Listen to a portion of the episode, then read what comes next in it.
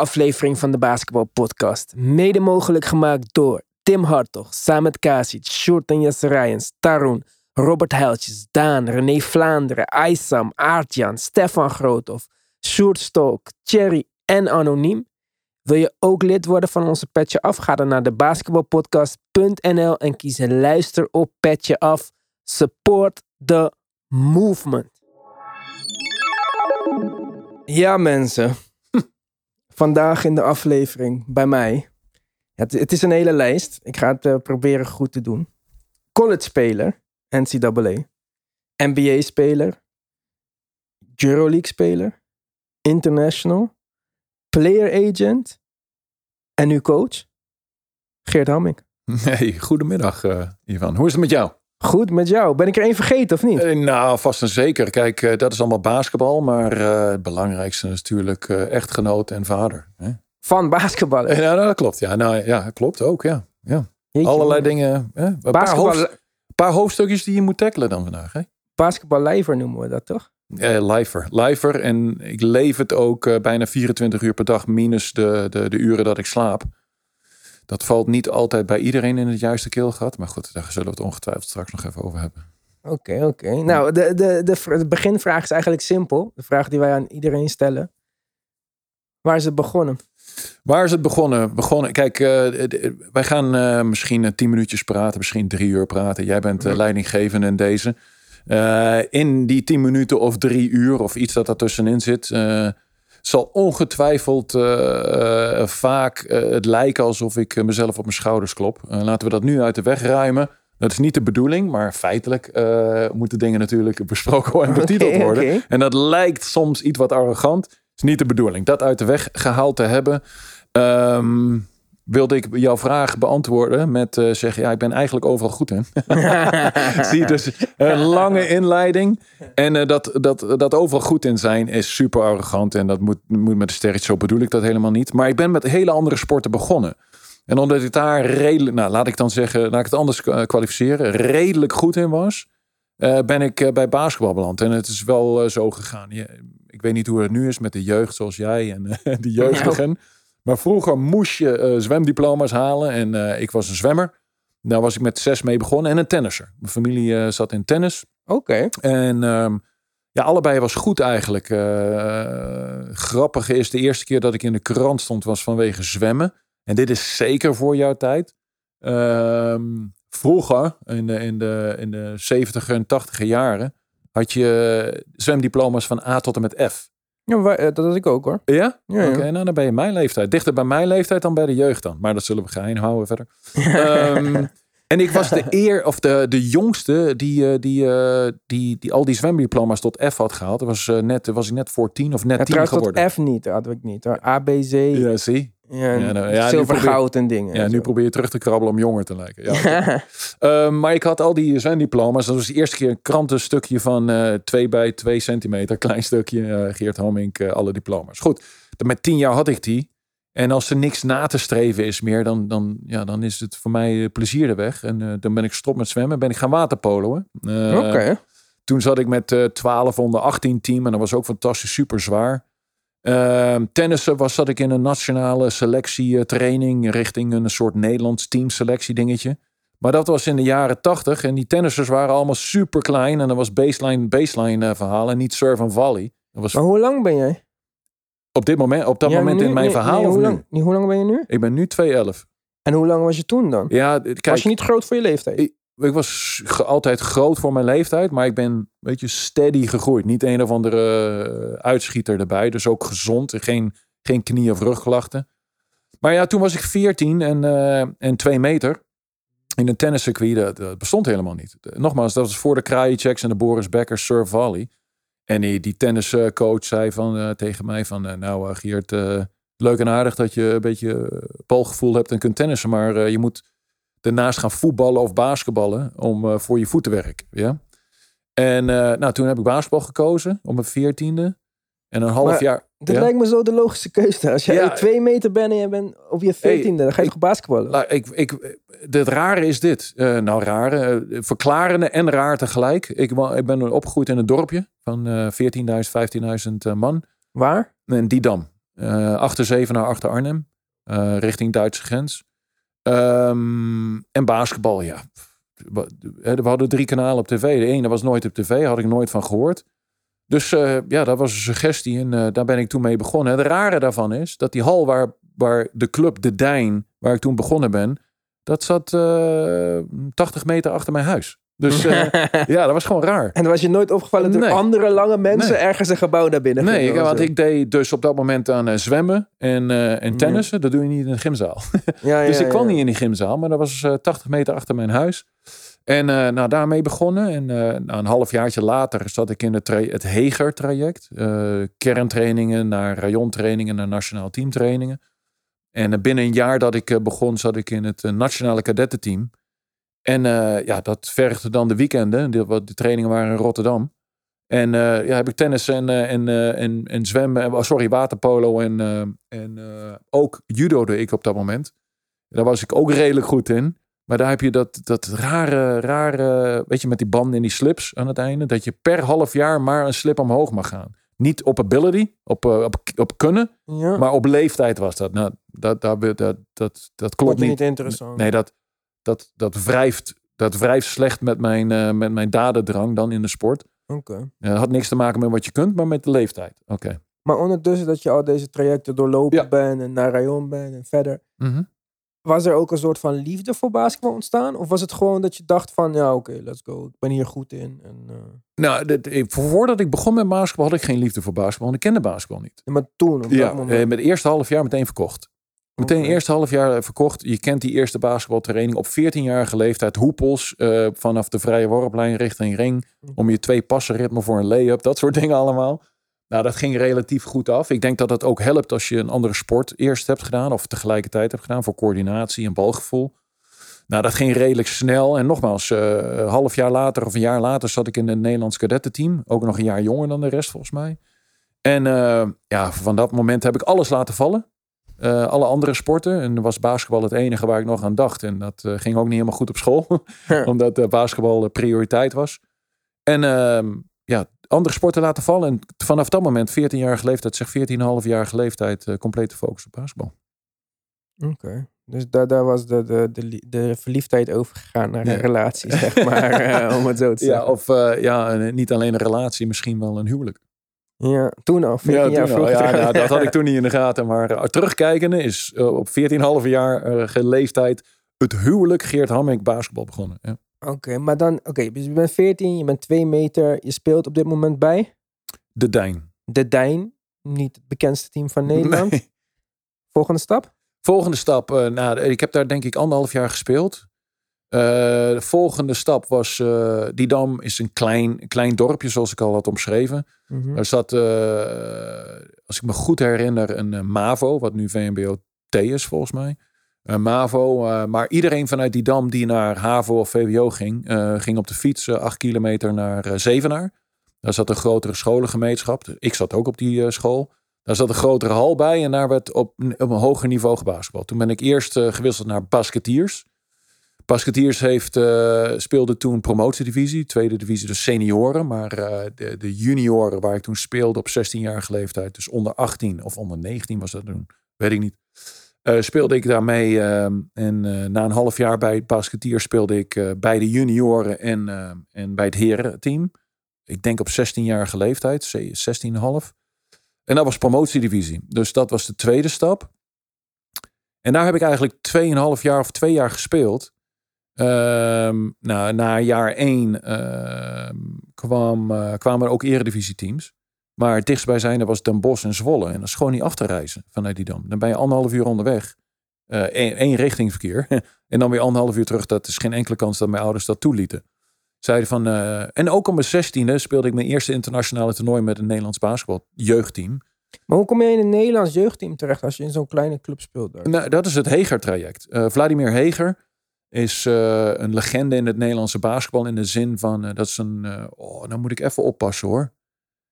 Poh, dit is super beledigend. Uh, ik, ik wil zijn nationaliteit zeggen en dit is gewoon uh, re respectloos. Dat ik dat niet maar weet, maar um, ik wil ook niks zeggen. Ja, ik, wil, ik, ik heb wel iets op mijn lippen, maar ik wil het niet fout zeggen. Nou ja, Maar, eh, Vladimir is niet zo... eh, niet Vladimir zo Heger. Ik, ik wil eh, eh, Hongarije zeggen of Roemenië of eh, zoiets. Ehm, excuses voordat ik dat niet meer weet. Ehm, maar fantastische man. Eén. Twee. Hij heeft eh, in de jaren voordat ik begon met basketbal het Heger-traject opgezet. Dat zijn eh, selectieprocedures. We hadden vijf rayons toen. In een rayon Oost. En in ieder rayon ging dat hetzelfde. Rayon Oost is, eh, wordt dan onderverdeeld in kernen. Ja. En die kern heeft een kerncoach. Die, die is verantwoordelijk voor het scannen naar, voor talenten binnen die kern. Daar maakt hij een team. Dan is binnen het rayon een rayontoernooi. Dan spelen die kernen tegen elkaar. Dat is een rayoncoach. Mhm. Die selecteert uit dat eh, toernooi eh, de beste spelers en maakt een rayonteam. En dan is het eh eh, rayontoernooi waar de vijf rayons. Dus Noord-Holland, Zuid-Holland, Noord-Holland, Oost en nog wat. Die spelen een toernooi en daar wordt een selectie uitgemaakt. Nou, ik deed kennelijk goed genoeg om Nederlands team selectie dat traject te doorlopen. En eh, op mijn zestiende speelde ik mijn eerste internationale toernooi. En eh, daar was ik één, één of twee jaar jonger dan, eh, dan mijn teamgenoten uit Nederland. Als center al toen? Ehm, ja, weet je, Ivan, ik, ik weet niet eens of ik toen al wist exact wat de posities waren. Ja. Ehm, in ieder geval, ja, center. Laat ik zo zeggen, tot, totdat ik Nederland verliet. En, en daarna ook nog een tijd. Eh, betaalde ik dezelfde contributie als de guards, maar mocht ik nooit dribbelen. Weet je, dat soort eh, gelimiteerde training hadden we toen. Maar op Oké. mijn zestiende speelde ik eerst de internationale toernooi. En dan had ik eh, twee weken daarna, drie weken daarna, de eerste post binnen van colleges die mij recruteerden. Zo snel. Ja, dat is best wel makkelijk. Het lijkt nu eh, of deze hele reis een beetje vanzelf ging. En, eh, Ja, ging het ook. Maar eh, da- daar komt weer, eh, en ik blijf daaraan refereren, het iets wat als, als, als je, dat heeft niet alleen maar betrekking op mijzelf, maar als je goed genoeg bent, is het altijd makkelijker. Ja? Dus kennelijk had ik de lengte, combinatie lengte-coördinatie en balgevoel dat, eh, waar mensen wat in zagen.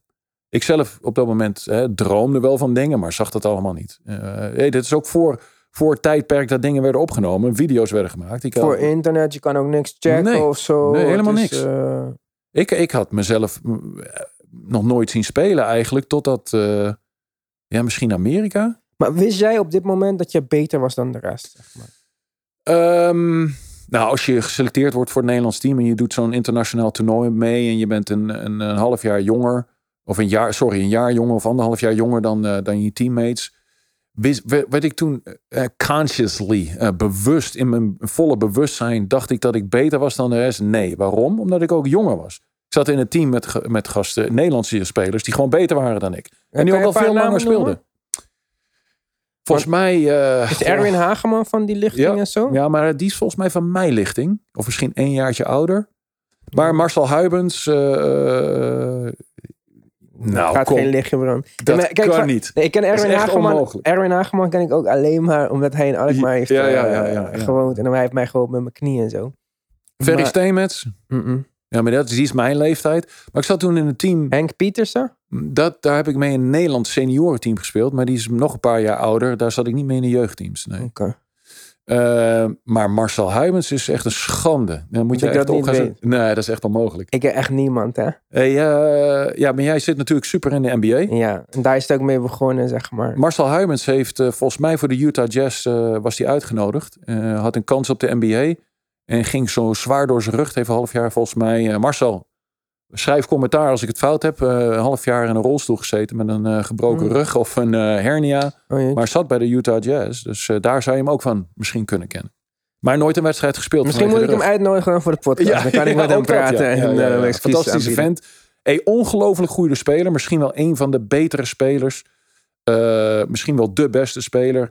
Eh, die eh, zijn carrière, carrière eigenlijk dan eh, gewoon, nou gewoon, wat heet gewoon, geheel in Nederland heeft afgewikkeld. Fantastische speler. Ook heel lang mee samengespeeld in het Nederlands team.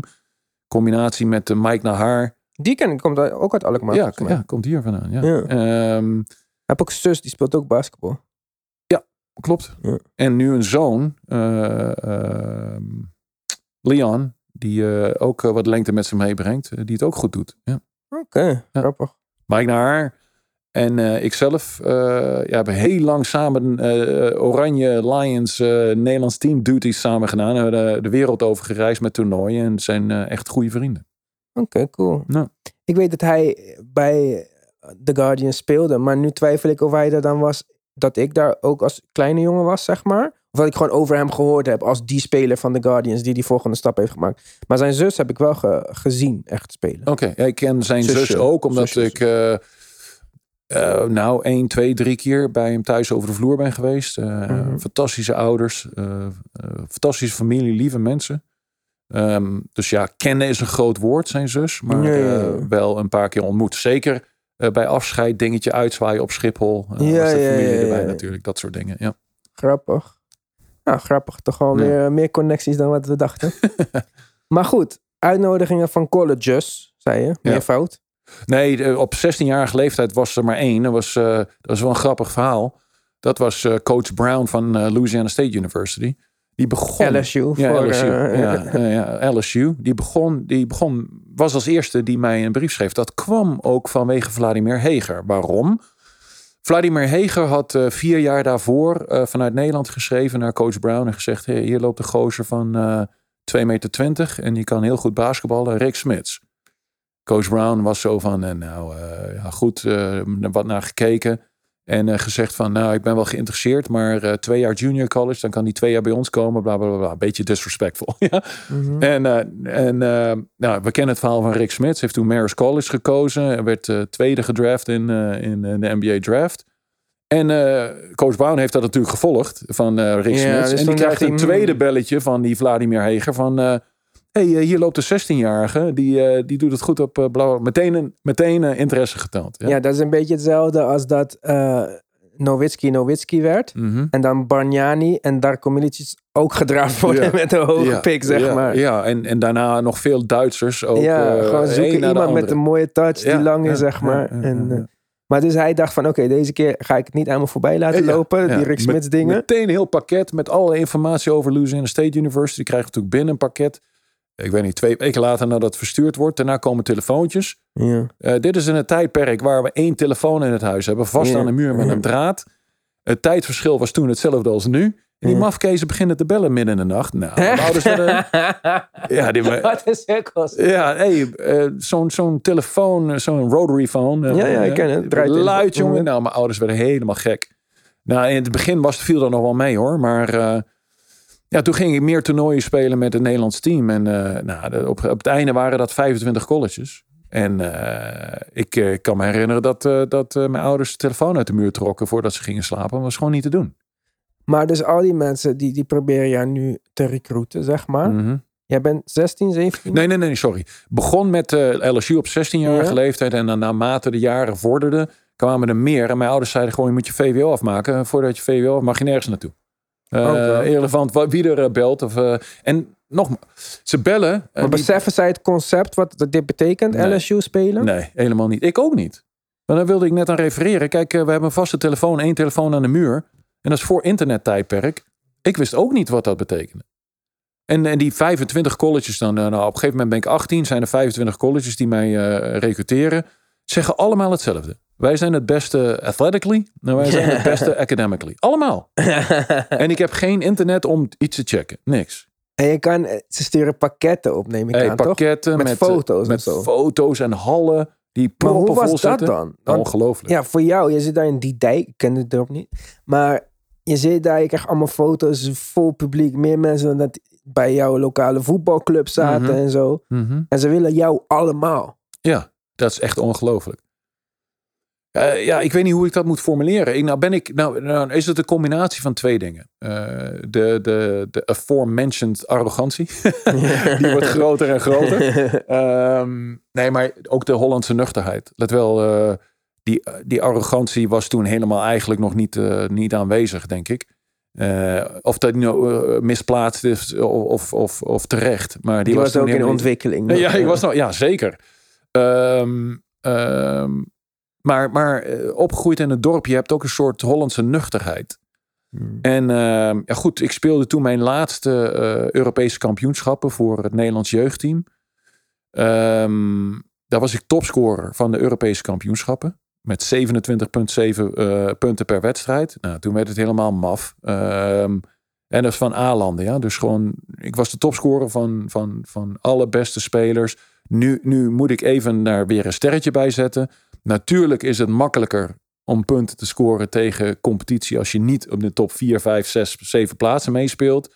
Kijk, Joegoslavië en uh, die, die landen, daar zat uh, Komazic was nummer 2. Hendrik Reudel van, uh, van Duitsland was nummer 3. Maar die speelden natuurlijk tegen moeilijkere competitie om plaats Mhm. 1, 2. Ja, wij niet. Dus dat is wel een sterretje die je erbij moet zetten. Maar eh, dat maakte die colleges niet uit. Dat werd helemaal maf toen. En eh, die, die zomer had ik maar één weekendje vrij. Om een recruiting visit te doen. Het, het ding is, als je gerecruiteerd wordt door colleges... kun je niet zomaar blind een, eh, een, een, een, een beslissing maken. Dus de NCA heeft een regel... dat je in de zomer voordat je gaat... vijf colleges mag bezoeken. Op kosten van die colleges. Maar, en dus, dus ik kon wel vijf colleges gaan bezoeken... maar ik had maar één weekend vrij. Maar hoezo had je één weekend vrij? Om Nederlands team eh, verplichtingen Ah. jeugdteam. Ja? Dus ik had maar één weekend vrij die zomer. En eh, ja, wat is dan de redenering of het beslissingsmakingsproces? Eh, dat was eh, beslissingsproces. Be- decision making, pro- decision making process. Ja. Ehm, was, ja, ze zeggen allemaal hetzelfde aan de telefoon. Die foto's zijn allemaal fantastisch. De informatie is allemaal fantastisch. Academisch allemaal hetzelfde, zeggen ze. Nou, laat ik dan maar de school gaan bezoeken die mij als eerste heeft aangeschreven. Dat was het beslissingsproces. Nou, dat was LSU, dat heb ik al verteld. Dus Zaten er andere scholen tussen, zeg maar, die je kan noemen, eh, bekende namen? Fresno, eh, eh, Nebraska. poh, dat waren toch wel de, de twee die me het beste bijgebleven. Marist ook. En dan heb je ook... En die dachten nog een keer hetzelfde, waarom niet? ja, ja, nee, Ja. maar ook Rick Smits is toen bij mij thuis geweest in die dam. Om, Om jou te recruiten. ja. En Jos Kuipers ook van, van Fresno. Er waren Nederlanders die voor mij in college hebben gespeeld. Die komen bij mij thuis. Nou, dat was al een hele eer natuurlijk. Mhm. En hoe moet ik zeggen, Jos, ja, oké, dat is zo lang geleden. Ik weet niet of ze allebei bij mij thuis zijn geweest. Of ik dat de een aan de telefoon heb gesproken. Of de ander bij mij thuis is geweest. Maar dat weet ik niet meer exact. Ehm, maar ehm, ehm, ja, en dan nog, eh, wat was er nog meer? Ja, grote naam, grote colleges. Nu is het wel zo dat in mijn nuchterheid en het beslissingsproces dat ik eerder omschreven heb. Om eh, eh, recruiting visit te doen bij, bij LSU. In hindsight, dus terugkijkende, is 2020. hey, heb ik met het grootste geluk van de wereld misschien de beste keuze gemaakt. Hoezo? Hey, ik was daar, eh, zo'n recruiting visit. Ze vliegen je binnen. We opgehaald van het vliegveld. Ik weet dat nog als de dag van gisteren. En dit is, we hebben het nu over 1988. Dus mijn eerste keer in Amerika. Ja? Eh, ik, Is keer in het buitenland ook of is het in Amerika? Nee, nee, ik had natuurlijk al die buitenlandse Oh ja, die toernooien toernooien, gespeeld ja. met de Ja. Nederlandse jeugdteams. Ja. Ehm, maar ik land in Amerika, mooi, eh, weet je, airconditioning in het vliegtuig, eh, van zo'n tunnel in, bla bla bla bla. bla. Eh, een, een dame van LSU haalt mij op. Ehm, Knappe dame? Mm, Nee, gewoon een. Gewoon, Niet de hoerendames nee, en hele, eh. lieve mooie dame. Oké, Wanda. Thomas. Dat is ook de secretaresse van de hoofdcoach. Kom mij ophalen. Ehm, en, en we lopen, eh, we lopen de eh, vluchthaven uit. Nou, dat is de eerste keer dat, dat ik eh, de, de, de, hoe heet dat, humidity de, van Louisiana. Ja. Swampland. Swampland. Hey. Je loopt naar, en je, en je loopt naar buiten en het, de lucht is zo dik en zo warm en zo vochtig. Nou, ik wist niet wat me overkwam. Zo, zo de, die, die lucht in te ademen. Het was zo apart en zo raar. Ehm nou, auto in naar eh, Baton Rouge gereden. Baton, eh, Louisiana State University, LSU is in Baton Rouge. Dat is ook de hoofdstad van Louisiana. Ehm, en voordat we ook maar iets doen, rijden we naar een, een, eh, een ribs place toe. Ja, waar ribs. En rib, oké, hier kun je ribbetjes gaan halen. Ja, maar heel- Louisiana barbecue is heel bekend. ja. dat is, nou, we, ga- we gaan daar zitten en daar komt ook de hoofdcoach naartoe, de assistentcoach, eh, Wanda Thomas, die me opgehaald heeft, zit daarbij. Ik zit daarbij. En dit is, dit is eh, TJ Ribs. Eh, dat is een, een fan van, van LSU kennelijk. Hey, je loopt uit die tent, hele grote tent, ribs en, en Mhm. allerlei dingen erbij. Alles in purple en gold. LSU is purple en gold. Alles in purple en gold. Nou, glazen dingen met posters en schoenen en, eh, en allerlei dingen. Dus ik zeg, wat, wat waar ben ik in een of ander museum beland? Ja? En ik ga zitten en een hele grote ronde tafel. En ik krijg een menu voor me. En, eh, en eh, de hoofdcoach zit daar, assistentcoach zit daar, bla bla bla bla. En ik zit zo, probeer. Ik, mijn Engels is, is dramatisch op dat moment. Hè? Het is niet, niet bijzonder goed. En ik probeer het menu een beetje te lezen en kijken wat ze daarmee bedoelen. En zij zeggen, laat maar zitten. Ze trekken een menu uit mijn handen en ik zweer het je, een grote rond aan zetten. Alles wat daar op die kaart zit, zetten ze op die tafel. Maar had je ooit sperrips gegeten? Eh, nee, nee, nee. Misschien wel zo'n Hollandse eh, op het eh, open vuur gebarbecuede ribbetje. Maar dat is geen spare ribs en ribs Nee, nee. zoals ze daar doen. Niet die slow cooked oh man, nee. barbecue. Ik heb me, ik volgens mij, misschien is dat in mijn hele, in mijn hele halve eeuw wel het meeste wat ik ooit heb gegeten. Dat was zo ongelooflijk. Nou, en dan heb je een jetlag. Ja, dacht fuck ik ga hier Ja. tekenen. Ik ben klaar. Ik vreet me helemaal vol. Aan de ene kant zit de assistentcoach, hoofdcoach in mijn oren te toeteren over allerlei dingen LSU. En het enige wat ik heb gezien is eh, hele dikke lucht, een auto en een restaurant. Daarna slapen, eh, nachtje slapen. Nou, ik heb heel goed geslapen op die volle maag. Ja. En de volgende dag, Ivan, hey, hal bekijken, academic center, wat, de campus bekijken, mensen ontmoeten. Nou, je weet niet wat je ziet. Eh, de Pete Maravich Assembly Center eh, op LSU campus is een soort, is een soort UFO-rond ding. Eh, mensen die hier naar luisteren, kijk maar, zoek hem maar Ja, even op. Pete. Maravich, Pete Maravich Assembly Center at LSU. Ongelooflijk. Ongelooflijk. En ik sta daar met zo'n raar, weet je, zo'n broekje, zo'n basketbalbroekje, iets wat kort, die ik, weet je, na de Europese kampioenschappen, als het toernooi voorbij is, eh, alle Russen komen naar je toe en hebben van hun Russische pot, potlepels en eh, kopjes die willen schoenen wisselen en bla bla bla bla. Hmm. En Spanjaarden, alles wisselen, shirtjes wisselen, broekjes wisselen. Ik stond daar in een Spaans broekje, een blauw broekje, daar heb ik nog foto's van, voor de Pete Maravich Assembly Center. Voetbalstadion, en dan bedoel ik niet voetbalvoetbal, dan bedoel ik American. eh, American voetbal, stadion bekeken. Nou, je weet niet wat je ziet. Het is zo overweldigend. Ja. Nou, die hele dag, overal hebben ze me mee naartoe gesleept. Volgende dag was het iets relaxter. En dat dit was in de zomer, hè, waar eh, geen school was. Dus het was relatief leeg. Normaal, Dus geen feestjes met Nee, nee. andere teammates. En, eh, kijk, dat, zo doen ze normale recruiting visits om Ja. je te overtuigen. Met allerlei dingen ik, ik erbij. zat te wachten op die, op die vrouwenverhalen. Nee, nee, nee, nee, nee. Dat, heb ik, dat was bij mij niet omdat ik gewoon niet kon Hmm. eh, in die tijd. Ja, ik had zelf mijn school hier, plus eh nationale team eh, verplichtingen. Dus het was leeg, maar het was zo ongelooflijk. Tweede dag Ja. nog wat dingen bekeken. Dus helemaal kapot, compleet overweldigd. Op de weg terug eh, in de auto naar het vluchtavond, zondagavond, heb ik getekend. Een maand later zat ik er voor vijf jaar. Zie. Maar, dus jij, jij, jij komt daar aan, wat je zegt, allemaal overweldigend en zo. Was het op dat moment nog, ging je nog vragen van, ga ik starten, ga ik spelen? Dat allemaal niet in je hoofd opgekomen? Eh, ik, ik had ook geen, geen advisor, geen advies. Ja, Nee, gewoon, je gewoon hebt ook geen idee gewoon. Nee. En je denkt ook gewoon, nou, ik was de beste beetje in mijn club. Ja. Ik ben, doe het goed in het Nederlands Ja, team. Dus ik ga gewoon hier en ik ga weer spelen en ik ga het weer goed doen. En evalueren van waar het de beste kans is om je door te ontwikkelen naar een NBA-carrière. Daar heb je nooit seconde. gedacht. Nooit. Geen seconde. Geen seconde. Oké, dus je hebt dit visit, deze visit gehad. Dan ga je terug naar Nederland, neem ik aan. Ja. En dan wat zegt papa, mama. Ja, ik, papa, eh, mama, hey, hey, je visit was tof. eh, bla, bla, bla, bla. En eh, volgens mij heb ik ook getekend. Oh. Ja. Eh, ja, volgens mij heb ik maar hoe getekend. mag dat dan zonder ouder erbij? Was nee, ik was 18. Hè? Ja, Ja, oké. ik was 18. Ehm, en volgens mij heb ik ook getekend. Dus, eh, nou, zij gefeliciteerd, bla bla bla. Natuurlijk wel zorgen. Want ehm, even een stapje terug. Ik had, eh, het ging niet altijd zo heel vloeiend op VWO. Ehm, ook een aantal keren blijven zitten.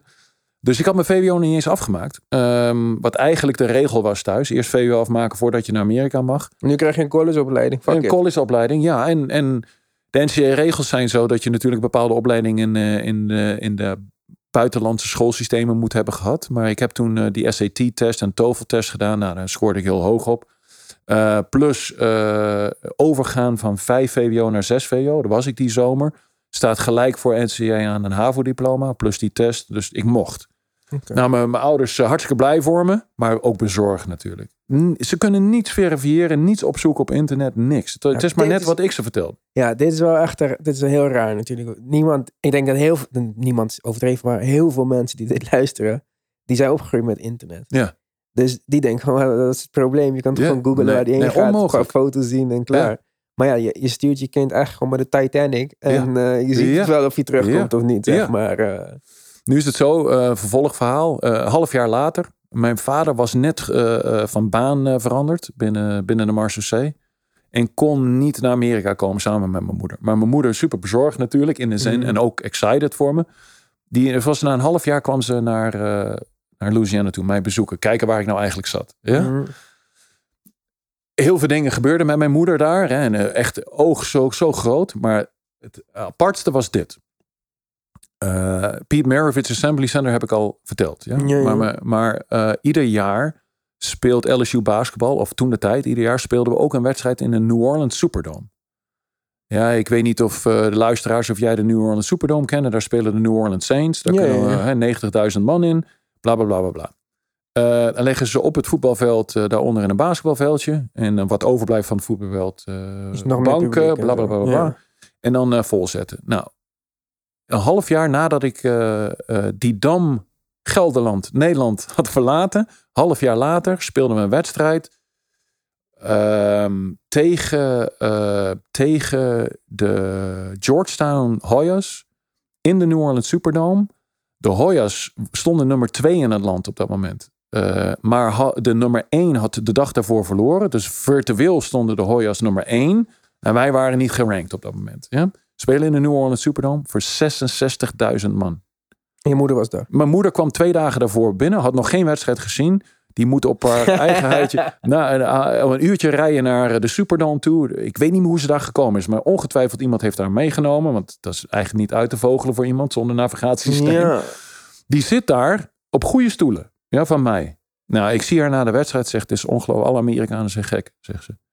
Ik zit hè, op, één, eh, op een kwart hoogte Ja. en ik kan nauwelijks de wedstrijd volgen. Dus eh 44.000 van die 66.000 man hebben gewoon die wedstrijd niet gezien, zegt ze. Die gasten Oh, zijn allemaal gek. kunnen zien bedoel je? Ja, die zijn allemaal gek. Ja, maar ja, misschien kan jij het beter nog vertellen dan ik. Maar eh, in Louisiana leeft, leven eh, eigenlijk voetbal het meest van alles. Mhm. Maar sport is een beetje het enige wat ze hebben daar. eh. Hey, ik, dat leeft klinkt- zo erg. Mhm. Met carnaval natuurlijk. Ja, Niet vergeten. Mardi Gras. Ja, Mhm. maar dit, dit, is wel, dit is niet zomaar een, een plek om... Nee. eh, Voetbal is nummer één. ja, Verreweg nummer by één. far. Ja, bij far. Ja. Ja. Voetbal is. is eh, nou, is- men weet, en ik wil dit niet chargeren, maar hoe zuidelijker eh, in de Verenigde Staten, hoe religieuzer men is. Mhm. En ik heb dat, eh, ik ben zelf niet zo'n religieus persoon, maar ik heb dat als heel comfortabel en, en, en, en ehm, ook eh, warm eh, ervaren in die tijd dat ik daar was.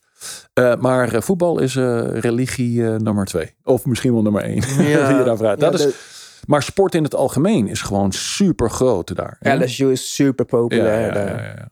Nu was mijn eerste jaar zonder Shaq, zonder, maar wel met Chris Jackson. Mahmoud Oké. Abdul Rauf. Ja? Fantastische vent, ook hele aparte vogel. In de zin, dat bedoel ik niet negatief. Hè? Mhm. Als men de woorden aan elkaar schakelt van aparte vogel, eh, heeft dat een eh, negatieve connotatie. Maar zo bedoel ik dat niet.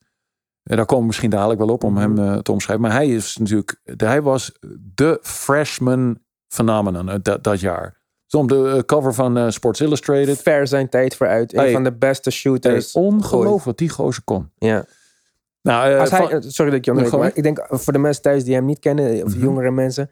Maar als hij nu had gespeeld, dan was hij echt level Dame ja, Steph geweest. ja, nee, ja, hij, is, hij had een soort eh, Steph Curry game. Ja, Ja, maar Steph te Curry. vroeg. Ja, te vroeg. Ja. Want hij was wat lichter, zoals hè, de, de regels waren toen anders in de NBA. Iedereen, ieder team had eh, vier gasten zoals ik was, eh, 214 of langer. En Maar- handchecking. Ja, en 100, alles. 140 kilo. Ja. Ja. Nu zijn die seven footers zijn een mooie 105 kilo en Mm. zijn bewegelijk.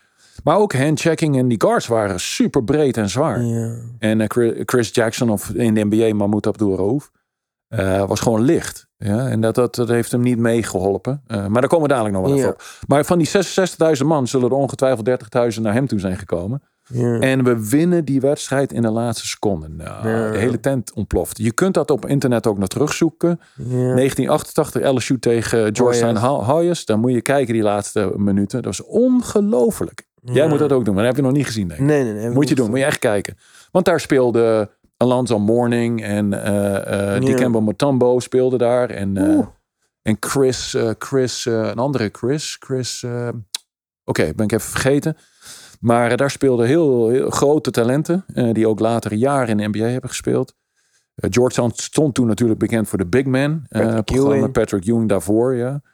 Nou, we winnen die en eh, nou, mijn moeder was like, wat is, eh, mijn moeder was, eh, wat is hier aan de hand? Nou, dat was haar eerste dag. Of tweede dag dat ze daar was. Daarna is ze nog een weekje gebleven. Heb ik ook een wedstrijd in het Pete Maravich Assembly Center laten zien. Nou, hoe warm iedereen daar is. Hoe, hoe open. Hoe, nou, ik... Ze was gerustgesteld. ja, zeker. Met, met, met 100% zeker gerustgesteld. Zij is naar huis gevlogen. Het gesprek tussen haar en mijn vader heb ik natuurlijk niet meegemaakt. Maar ik neem dat Mm. het ook geruststellend was. En eh, ja, dat was het eerste half jaar van mijn vijf jaar eh, in LSU.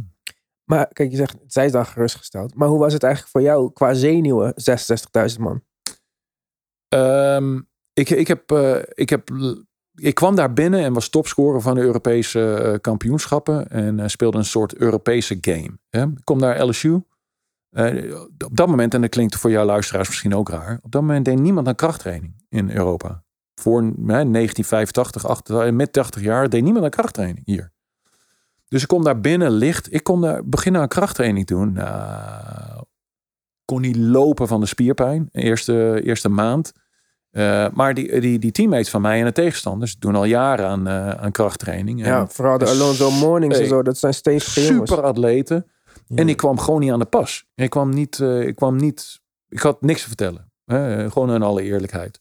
Dus ik speelde toen een, uh, een soort backup rol van acht minuten per wedstrijd. En ehm, ja, je vraagt me naar die zenuwen en druk. Ja, die voelde ik niet echt. Ik voelde het niet om jou ging. Ja, het ging niet om mij. Kijk, als je een, van de bank komt van acht minuten, is die druk wat minder dan als je uh, een, een, Chris Jackson bent op dat moment. En weet dat 30.000 mensen naar je komen kijken. Nationally televised uh, game. En iedereen uh, kijkt naar die wedstrijd. En dat zal ongetwijfeld anders zijn geweest voor hem dan voor mij. Dus ik ging daar relatief relaxed mee om op dat moment. Ja, maar toch, nog steeds, je loopt het veld op. Het is 66.000 ja. ja, later, hoe ouder ik werd, uh, heb ik meer van nervositeit ervaren. Maar dan komen we misschien later uh, in deze chronologische volgorde van mijn Doen leven. alles nog chronologisch. Ja, we moeten het verhaal weten toch? Oké. Okay. Ik weet niet of je wel eens eerder je, hele verhaal verteld hebt, maar uh, daar zijn wij de basketbal podcast voor. Ja, ja goed. Dingen goed. in ik, nou ben ik, volledigheid. Ja, ja toch? Maar oké, okay, dus uh, mama is gerustgesteld. Mm -hmm. Jij gaat verder. Uh, eerste jaar maak je af als soort van die backup rol. Acht Mhm. minuten per wedstrijd. Mm -hmm. Ben je blij? Ben je tevreden? Had je er meer van verwacht? Ben je teleurgesteld? Ik, ik, ik was daar niet mee bezig. gekwetst? Nee, helemaal niet. Uh, ik, kijk, uh, dit is de vierde keer dat we mijn, uh, mijn, mijn misschien dan wel afwezige arrogantie aankaarten. dat, dat zal een rode draad worden de, in de, dit gesprek, denk ik. Dat, dat moeten anderen ook beslissen of ze dat arrogant vinden of niet. Maar op dat moment, ik denk, de, ben ik helemaal niet bezig met de toekomst. Ik, ik leefde toen in een moment. Let wel dat dit niet alleen basketbal was. Hè. Dit was eerste keer huis uit. Uh, een, uh, een, campus van uh, 30.000 studenten.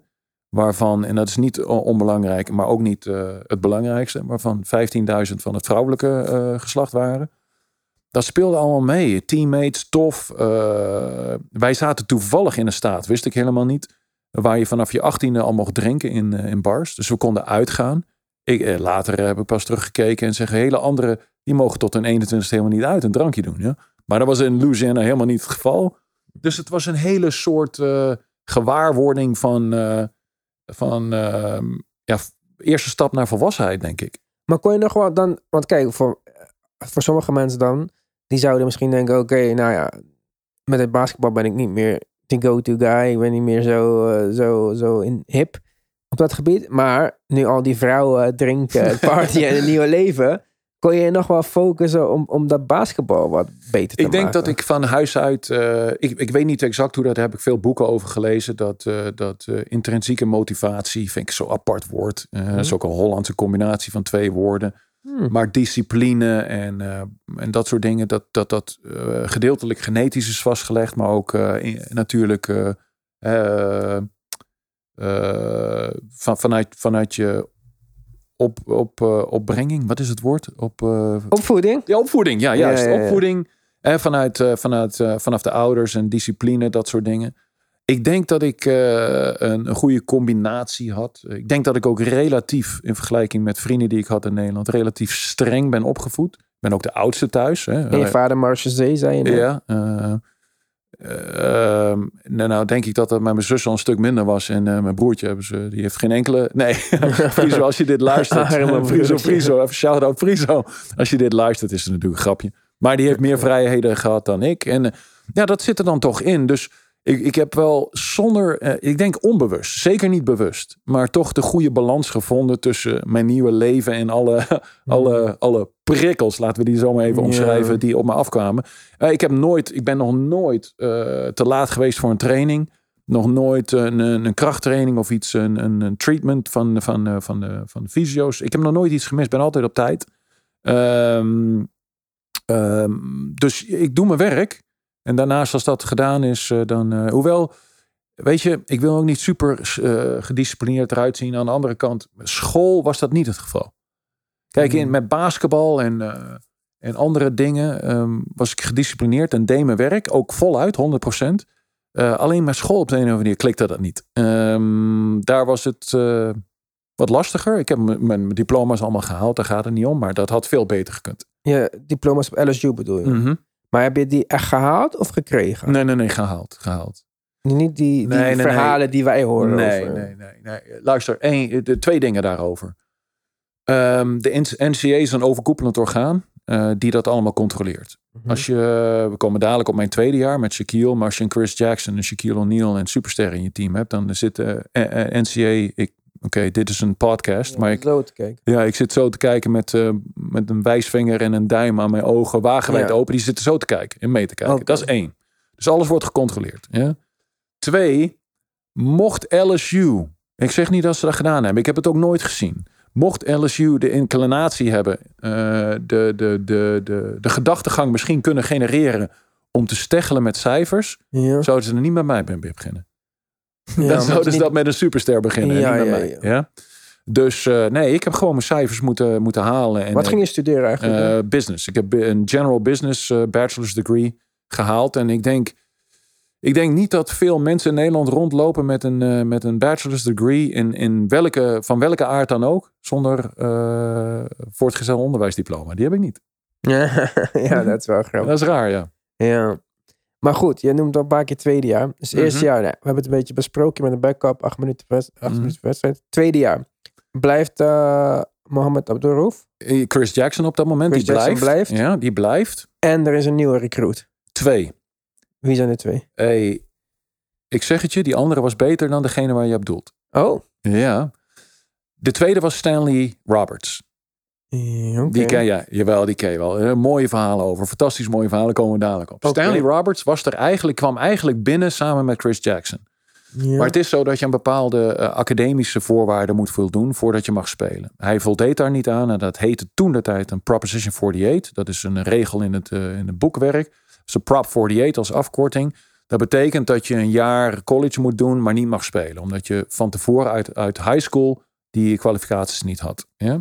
Dus hij was er al. Dus eh, hij mocht niet mee. Als je Prop 48 bent, mag je niet meetrainen, mag je niet spelen. Gebeurde dat ook eigenlijk niet mee trainen? Nee, nee, nee, nee, dat kan echt niet. Die trainen niet mee. Stanley Oh. Roberts trainde, maar hij liep wel, wel rond. Ongelooflijk fysiek specimen. Echt ongelooflijk. En dan kom ik dadelijk op. Center, 7 feet, eh 125 kilo. Echt beter dan de gozer waar jij op doelt. En die Dus- gozer, wie is die gozer? een kleine Shaq. Een kleine Shaq kwam binnen op 17, 17-jarige leeftijd. Dus ik heb een jaartje onder mijn riem. eh, aanpassingsproblemen. En eh, een halfwege het jaar eh, komen, komt dat allemaal een beetje goed. Ik denk, nou, tweede jaar eh, hè, we zie- gaan, we- gaan we kijken wat er gaat gebeuren. Ik weet dat Stanley komt. eh, Stanley Roberts en eh Shaquille komt binnen. Nou, twee van die, mijn lengte, hè, 212, 214. ehm All-Americans. Echt ongelooflijk. En ik zeg het je, Stanley Roberts was beter dan Shaquille O'Neal.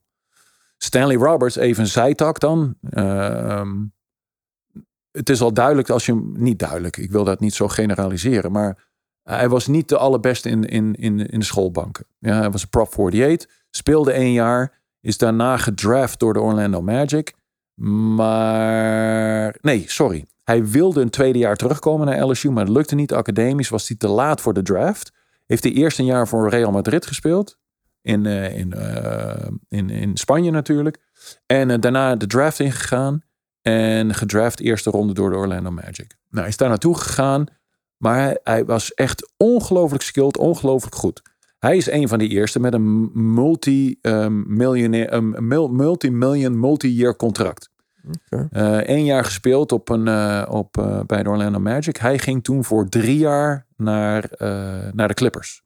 Dat is in die tijd dat John Konkak dat grote eh, contract tekende. En hij bij de Clippers. Daar waren de twee grote contracten toen. Nou, hij, maar hij heeft altijd te kampen gehad met overgewicht. En eh, heeft toen zijn Achillespees afgescheurd. Ja, dat was eh, die tijd sowieso game over. Ja, game over. En zeker met dat gewicht en die lengte. Ehm, kwam terug van die Achillespees blessure. En een fantastisch mooie vent door Stanley Roberts. En, eh, en eh, bleek dat hij op zijn arm had laten tatoeëren franchise. Dus zijn teammates franchise noemden hem French fries. Omdat hij altijd overgewichtig was. French fries. Heeft toen nog twee jaartjes in de NBA rondgedobbeld. Omdat hij gewoon te zwaar was. Heeft toen nog een jaartje Griekenland gespeeld. En dat was het. Maar ongelooflijk talent. Beter dan Shaq, ik zeg je. Maar die twee uh, mafkezen kwamen binnen. En ik eh, op mijn positie. En dan heb je, eh, je Prop 48 waar je binnenkomt vanwege academische redenen. Dan kun je niet trainen en niet spelen. En dan heb je ook nog de optie te redshirten. Ja, dat Ja. betekent dat je een jaar uitziet. Ja, nou, en, en dan mag je wel trainen. Dan mag je wel trainen, maar je mag niet de wedstrijden spelen. Dan, Maar en hoe, mag iedereen dit doen? Gewoon? Ja. iedereen mag een redshirt jaar, jaar pakken. Eh, dat betekent, je hebt vier jaar eligibility. Vier jaar dat je mag spelen in college. Als je een redshirt jaar pakt, dan heb je er vijf. Maar dan mag je er één niet van spelen, wel trainen. Nou, dat heeft mijn leven gered. Daar komen we chronologisch straks daarop, denk ik. Ja? En waarom zouden mensen dit redshirt jaar kiezen? Omdat ze voelen dat ze er nog niet klaar voor zijn. Ja, je kunt een redshirt jaar pakken omdat je niet klaar voor bent. Je kunt dat zo omschrijven, in mijn geval dus. Mhm. Of eh, ja, er komen mensen binnen die gewoon twee keer zo goed zijn. Dat is hetzelfde als niet klaar voor zijn. Hè? Eh, misschien een blessure die wat langer heeft eh, geduurd. Dan zeg je, ik redshirt dit jaar, want ik kan die 30 wedstrijden waarschijnlijk niet allemaal spelen. Eh, academisch misschien. Eh, je zegt van, eh, luister, ik heb vijf jaar nodig om bachelor's te gaan halen of eh, masters. Ja? Ik pak een redshirt jaar, zoiets. Allerlei redenen. Ja. Oké. Ja. En dit tweede jaar werd jouw redshirt jaar. Ja, maar eh, kijk, ik zit nog steeds in zo'n... Ja, mijn tweede jaar met mijn redshirt jaar. Ik zit nog steeds in die fase van... Ik leef dag tot dag. Ik wist helemaal niet wat redshirt er was. Mhm. Ja, dat is mijn tweede jaar. We hadden ook geen redshirt. eh mijn eerste jaar. Maar eh, coach Brown, Brown komt naar mij toe en die zegt van... Geen redshirt. Ik zeg, eh, wat? Ik wist niet eens wat dat was. Uitgelegd. ehm, en ik moet weer zeggen dat, het, dat ik daar niet echt een, ehm, een, een, een, een stem in had. Of een voice of iets te melden. Wel Ik ging gewoon mee met wat er kwam. Ja. ik ging gewoon mee met wat er kwam. Maar nogmaals, dadelijk als ze bij jaar eh, vier komen, eh, heeft dat mijn, mijn, mijn carrière, ik wil niet zeggen gered, maar in ieder geval eh, gepropeleerd in, in, in wat het is, is, is geworden. Komen we straks op. Maar die twee gasten komen binnen. Nou, we zitten in de zomer.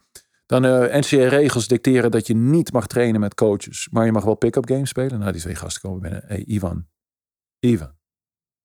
Ongelooflijk wat die... ik dacht, nou, ik kan nu wel een beetje meedoen met, eh, met Jan en Alleman, weet je. En dan komen die twee gasten in de trainingen, pick-up games. Ik had niks te melden. Echt, helemaal, dan ook helemaal niks. Ik kan me nog specifiek, daar heb ik ook nachtmerries over gehad. Niet letterlijk, maar eh, ik kan me specifiek nog één ding herinneren. Shaquille is 17 jaar oud.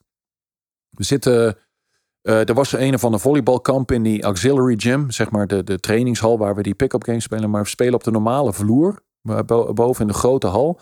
Maar er mogen geen coaches bij zijn. We spelen, dat is misschien eh, de tweede week of de, de tweede week dat Sha- Shaq op, op campus is en Stanley Roberts eh, meedoet, bla bla bla bla.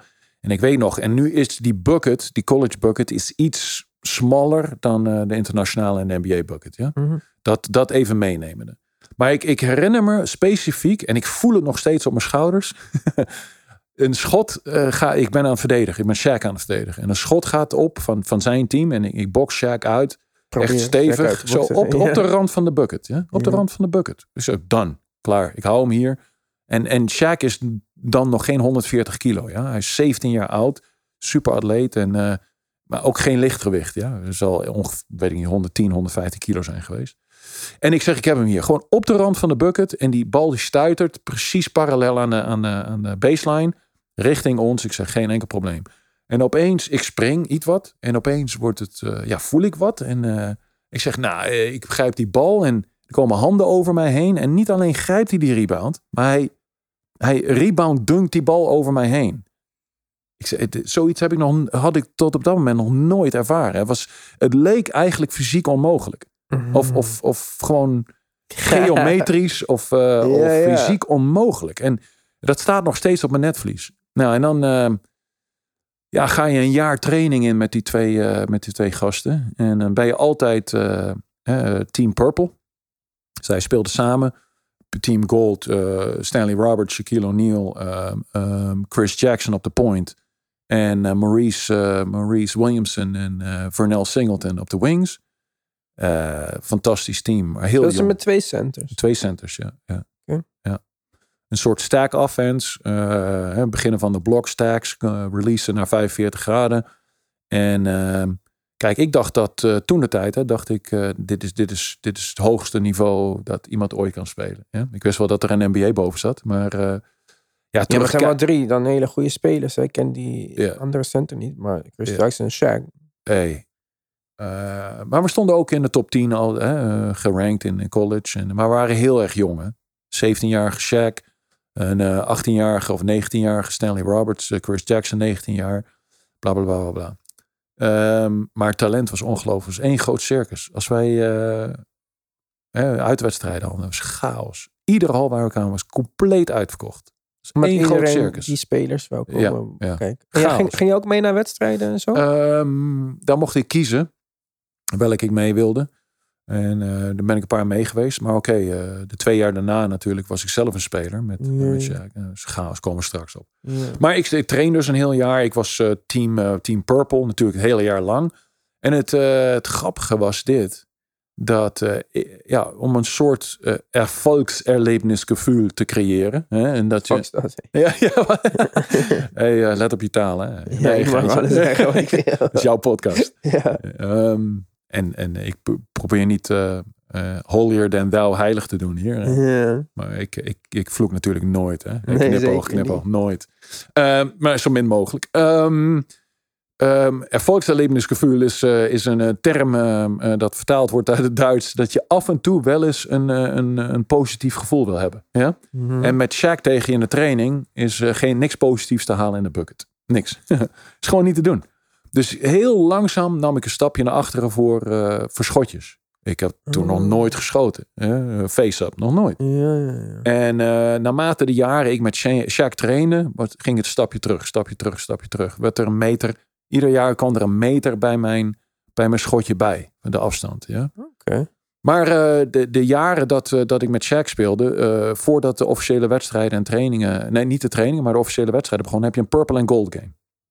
Dat is een intersquad game voor publiek. Nou, Shaq en Stanley waren hele hal uitverkocht, 15.000 man. Intersquad game, ja, is eigenlijk een veredelde training. Ja. En ja, ik weet nog dat ik toen, omdat ik heel anders moest gaan spelen dan, eh, dan, eh, dan traditionele centers toen de tijd. Dat ik een wedstrijdje had met eh, 20 punten tegen Shaq. Nou, dan is die pist, joh. Dan is die kwaad en, en gemotiveerd. Daar wordt hij niet vrolijk van. ja, want wie wat de fuck was die Gert? Ja, Gert. Ja, Gert. Come on, Gert. Ehm, en ehm, en oké, dat, dat, dat hield mij ook iets wat staande. Want eh, het is natuurlijk een haantjesgevecht daar op die trainingen. Iedere training weer. En eh, ja, als je dan niet eh, vaak wint. en ik ben de eerste die toegeeft dat ik niet vaak van die trainingen van Shaq won of van Stanley. Maar af en toe dan een, zo'n erfolgserlebnisgevoel, dan, ja, dat houdt je, houdt je gaande. Ja? Dat was jaar, jaar twee niet gespeeld, dus, maar veel getraind. En nu gaat die Stanley gaat weg. Eh, die haalde het academisch niet. Na één jaar was die weg. Ja, is Real Madrid voetzie. Ja. En dan komt jaar drie. Komt de coach naar je toe, neem ik aan. Ja. En die zegt, nou, redshirt jaar voorbij. Mhm. Zegt hij, dit wordt je rol? Zeg, vraag jij, wat wordt mijn rol? Nee. Of je denkt gewoon, let's Nee. go en het is wat het is. Hey, nu jij mij dat zo vraagt, hè? Je, bent, de- je bent de eerste die dat ooit hebt gevraagd in, eh, in, de, in de 30 jaar na college. Ja. Eh, vind ik het ook raar klinken. Dat er geen communicatie was. Eh, ik, Ja. wil- ik zeg gewoon nee, nee, er is niks gecommuniceerd. Gewoon trainen en kijken waar het landt. Ja? Zo, zo herinner ik me dat. Maar het kan ook zomaar zijn dat de coach bij mij heeft gezegd van... eh, Geert, eh, we beginnen en dit is je rol en bla bla. Maar ik denk dat ik dat... je ziet ook, ik, ik, ik, vind, ik ben ook niet een groot, groot voorstander om alles als coach te uit te leggen. En te projecteren en zeggen dit gaan we doen en bla bla bla bla. Zodra we gaan trainen, ziet iedere speler wat de bedoeling is. Dus ik, ik denk dat coach Brown ook uh, die mentaliteit had. En zegt, hey, op de trainingen zie je vanzelf wat er gaat gebeuren. Nou, op de trainingen zie je dat ik nog steeds uh, Team Purple ben. Uh, Shaq Team Gold. Dat ik hem iedere training, iedere minuut van iedere training moet verdedigen. En hij mij verdedigt. Zijn er geen andere centers op de rooster? Uh, jawel, een Richard Krajewski. Uh, maar die zat ook team. team en een Wayne Sims was geen center. Dat was meer een power forward, undersized, 6'6, 6'7. Um, maar die speelde dan team gold. Die startte ook. Dus ik had de backup role van Shaq. Klaar, duidelijk. Is Chris Jackson er nog? Ja, nee. Oké, okay, die nee. is door de Nuggets. Ja. Oké. Die had uh, Achillespeesproblemen volgens mij en had een operatie uh, bij de enkels. Hey, wat die gozer allemaal deed. Nou, wat is die? 1, uh, 1,80 als die, uh, als die goed geslapen heeft en heel relaxed is. Alles ja, uitgelegd is. iets groter was. Ja, in Amerika schrijven ze alles met een, een, een, ja? een, een, een inch of twee groter. Maar we hadden LU play voor hem. van een uh, high post entry waar hij van de andere high post uh, de, de af uh, de, de, en gooide hem hoog. Ik heb dingen gezien van die man. Nou, waar de passes gewoon fout waren. En die ging hij in de lucht halen en reverse, waar hij met zijn hoofd bij de ring zat. Dat was echt ongelooflijk voor zo'n klein mannetje. Ja dat zijn hoops, ja. Ja, nee, maar de, hij heeft toen operaties gehad voordat, voordat hij gedraft werd. Daar, dat heeft wel een paar, uh, paar inches van zijn hops, uh, van zijn haps, van zijn stupid haps, eraf gehaald. maar niet van zijn quickness. En wat die gozer allemaal. Ik, ik weet nog letterlijk. We hadden wedstrijden natuurlijk in SEC en, en, en dan hadden we de laatste time-out. Dat was de close. Of met vijf minuten te gaan, zes minuten te gaan in de wedstrijd. En het simpele eerste, het enige wat er gezegd werd was: Hey Chris, time to take over. En dan had hij 16 punten op rij. Klaar, wonnen we. Ja. Hij kon als eerste gewoon op, op ieder moment van de, van de wedstrijd kon hij zijn eigen schot creëren. Met die between the leg dribbles, uh, straight into a shot, een shot, shot motion. Pull-up shots hey, van heel Ongelooflijk, echt ja. ongelooflijk. Maar hij is nu weg. Nieuwe point guards, Shaq is de man. Ja. Hele circus eromheen thuiswedstrijden, mensen die dagen van tevoren voor ticket office uh, kamperen, tickets, uh, alles uitverkocht. Check de man in Amerika ook gewoon op Gewoon in Amerika. Ja. Gewoon in Amerika. Wie, wie zijn zijn concurrenten op dat moment? Of wie zijn zijn uh, ja, jaargenoten? Christian Leitner. Oh, dat was nog een gevecht, hè? We hebben twee keer tegen Duke, Duke gespeeld. Ja. En daarna was ik, ik wil niet vooruitlopen chronologisch, maar met de Orlando Magic en uh, Leitner bij de Timberwolves. Maar daar kom ik dadelijk op. Ja, maar was het zo'n uh, beef tussen Shaq en Christian Leitner dan? Ja, nou, maar er is maar één reden voor. Want? Leitner versloeg hem in de collegewedstrijden. En hij was Mr. Duke, toch? Hey, hij versloeg hem. Hij maakte hem een beetje gek. Team USA zelfs gespeeld ja. uh, uit college. Ja, maar dat was daarna. Dat was ertussen. Tussen college en, uh, en NBA. Ja. Maar die twee wedstrijden. Eerst was het in at Duke. Nou, dat is een kleinere hal dan, dan Pete Maravich Assembly Center. Maar stacked, vol. En super, super light. En wij verloren die wedstrijd. En Shaq, uh, Leitner won die battle. 1 tegen 1 battle. Won, won the war. Uh, sorry, won the battle and the war. Yeah. Hoe kan dat dan? Want uh, kijk, niet om op de timeline vooruit te lopen. Leitner is niet uh, Shaq geworden in de NBA, nee, zeg maar. Nee, nee, Hoe, ja. Waarom was hij zo goed in college dan? Sha Shaq kwam op 17-jarige leeftijd binnen. Kon niks. Kon eigenlijk niks. Had een, had een redelijk jump, jumphoekje. En dunkte alles. Hmm. Kon niks. We gooiden LU-passes. Uh, hij was gewoon zo fysiek dominant. Hoefde en voor zijn lengte, gewicht snel en explosief. En, dat is wel een dingetje, dat is ook weer een zijtakverhaaltje. Kijk, het is niet alleen fysiek en skills bij die super, super uh, sterren.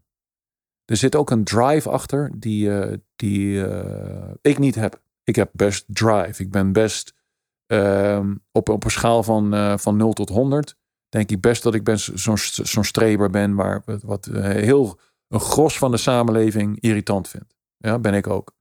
Maar er zit nog een, een, een laag boven, misschien twee lagen boven, dat nodig is om een superster te worden in, in, in de topsporten in Amerika. Kobe heeft dat, Jordan heeft dat, Shaq heeft dat. Het is gewoon irritant. Gewoon altijd, altijd alles eerste willen zijn. Ik herinner me een training waar, uh, Waar ik Shaq aan het verdedigen was. En uh, een van zijn teammates uh, schiet een airbal. En die bal stuit het onder de basket door, out of bounds. Shaq sprint er achteraan. En uh, nou, wij denken, nou goed, wij onze bal klaar. Ja? Hij sprint er achteraan, haalt die bal, dribbelt twee keer, dunkt over iedereen heen. En wij zo, wat, wat, wat, wat, wat? Hij zegt, there's no out of bounds in practice. No out of bounds in practice. Dus, oh, weet je, dat klinkt als een grappige anekdote. Ja, ja, Maar het is vermoeiend op een gegeven moment, weet je. Het is ook vermoeiend. Nou, maar ook eh, moesten de, de, de, Death, eh, de Valley, dat is eh, het stadion van voetbal, rondjes rennen. En eh, toen Shaq binnenkwam op 17-jarige leeftijd met 115 kilo, licht hè, voor zijn doen, die rende gewoon vooraan hè, met de guards. Die was zo verschrikkelijk snel en atletisch. Die basketbalde toen op atletisch vermogen en, en, en intensiteit. Maar niet op skills. Lener was, is was geen, eh, was geen eh, non-atleet, maar was ook geen superatleet. Was, eh, was, had eh, hoge intensiteit, ja? eh, maar niet zoals, eh, zo extreem zoals de Shaqs en de Kobe's en de Jordans van de wereld. Maar had een skillset van, dat ver vooruit was. En daarmee versloeg hij Shaq, skillset. En mid-range jumpertjes, fadeaway'tjes, eh up and unders. Ja. Die wedstrijden zijn online te bekijken. Mm. Duke LSU 19, 1989, 90, 91, zoiets. Misschien 92, het laatste jaar van, eh van, eh van Shaq. Toen speelde het eh, een van de jaren uit bij Duke. En het jaar daarna, dat is dan die overeenkomsten die die colleges maken. Want het is non-conference. Hè, conference games is ieder jaar gewoon tegen elkaar. Non-conference maak je gewoon afspraken. En dan het ene jaar was in at Duke en het andere jaar was, was at LSU. Zelfde afspraken hadden we met UNLV, met Loyola Marymount, dat soort dingen. Maar hij heeft, eh, ja, eh Lener versloeg hem gewoon twee, twee keer op, op, op skillset.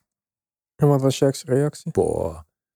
Dan komt, dan komt die, die, die, die, die, die, ja, die interne, eh, eh, ehm, ja, ik weet niet, die, die, die, die warriors komen dan naar voren. Ja. Compleet gefocust dan om dat te corrigeren. Nou, daar, dan moet je mij maar herinneren, zodat we gewoon logisch bij de Orlando Magic komen. Dan komen we terug op Christian later. Ja? Oké. Maar dus dit tweede jaar, Mhm. dus eh, jullie spelen Duke. Je hebt een backup center. Minuut zijn omhoog gegaan, neem ik aan. Nee.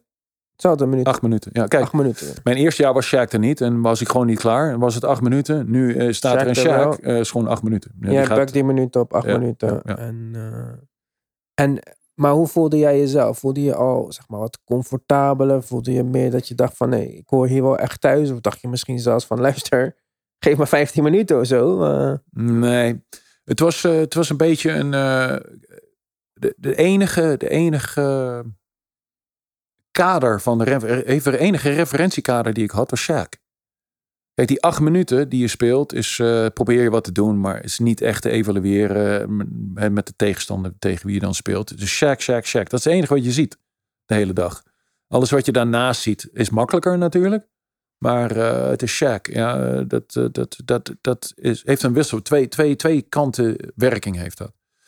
Natuurlijk word je beter als je tegen Shaq traint. Je moet oplossingen zoeken om, om ergens wat positiefs uit te halen. En natuurlijk word je beter. Maar het is aan de andere kant ook zo demotiverend. Om Mhm. dag in dag uit hè, inside... eh, ja, als je schoten Tegen een los krijgt. beest, eh, ja, geblokt te worden of over je heen gedunkt te worden. Ik heb eh, meerdere keren gezegd dat ik misschien wel...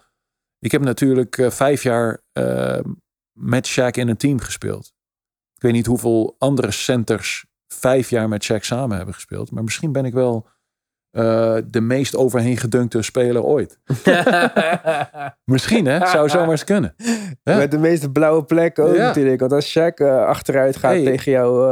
eh, Kijk, dat klinkt als iets waar je je voor moet schamen. Maar ik, heb, ik voel daar geen schaamte in. Shaq is Shaq, eh, Geert is Geert. Ja, dat is gewoon Ja. een verschil. Ehm, maar misschien is het wel zo... eh, nou, het is misschien iets om na te kijken. Maar ik denk niet dat veel centers vijf jaar uithouden. Of Mm. eh, überhaupt met Shaq samen in één team hebben gespeeld.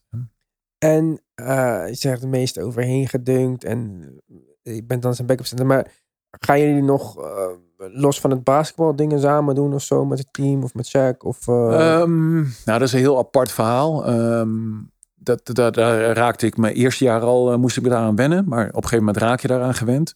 Eh, we zitten samen in een, eh, in een dormitory. We slapen in, in een gezamenlijke eh, eh, hal, zeg maar. Waar alle, waar alle eh, mannelijke atleten zitten, geen vrouwen op dat moment. Eh, waar de voetbalspelers zitten, de basketbalspelers en eh, de wat beter... Ik wil niet zeggen betere sporten, dat klinkt raar. Maar de wat hoger... Hoogsporten. Ja, de hoogsporten. Bijvoorbeeld, ik was goed bevriend met eh, Andy Dijkert. Dat was een Amerikaanse zwemmer, Olympische zwemmer ook. En die zaten in een andere dormitory. Dat was gemixt, met, wel met vrouwen of met andere atleten. Of ook gewoon, gewoon klinkt ook weer denigerend, maar gewone studenten, dus niet atleten studenten. Mhm. Uh, maar wij zaten in een uh, dormitory met alleen uh, mannelijke atleten. En oké, okay, Shaq en, en mijn teammates van basketbal zaten in een aparte wing met de deuren waar we sleutel tot hadden. Kon ook eigenlijk verder niemand bij. Gezamenlijke douches, gezamenlijke toiletten. Oh, ja. dus daar, ja goed, veel samen gedaan. Maar buiten, buiten het samen wonen en leven... Uh, basketbal. Ja, is toch een, een, een hele aparte scheiding in de Amerikaanse samenleving. Nou heb ik het over 1988 tot en met 1993. Ja. Um, uitgaansleven is iets wat gescheiden. Ja. Op kleur.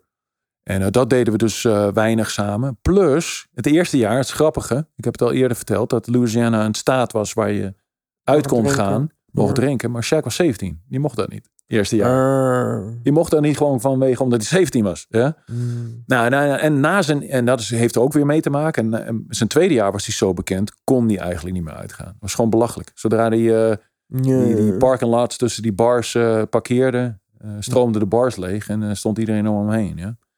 Dus eh, uitgaan zat er niet echt in met hem, maar ik denk dat ik een goede relatie met hem had toen. Ja, Ja, je moet ook wel zoveel tijd samen ja, ja, ja, ja, natuurlijk.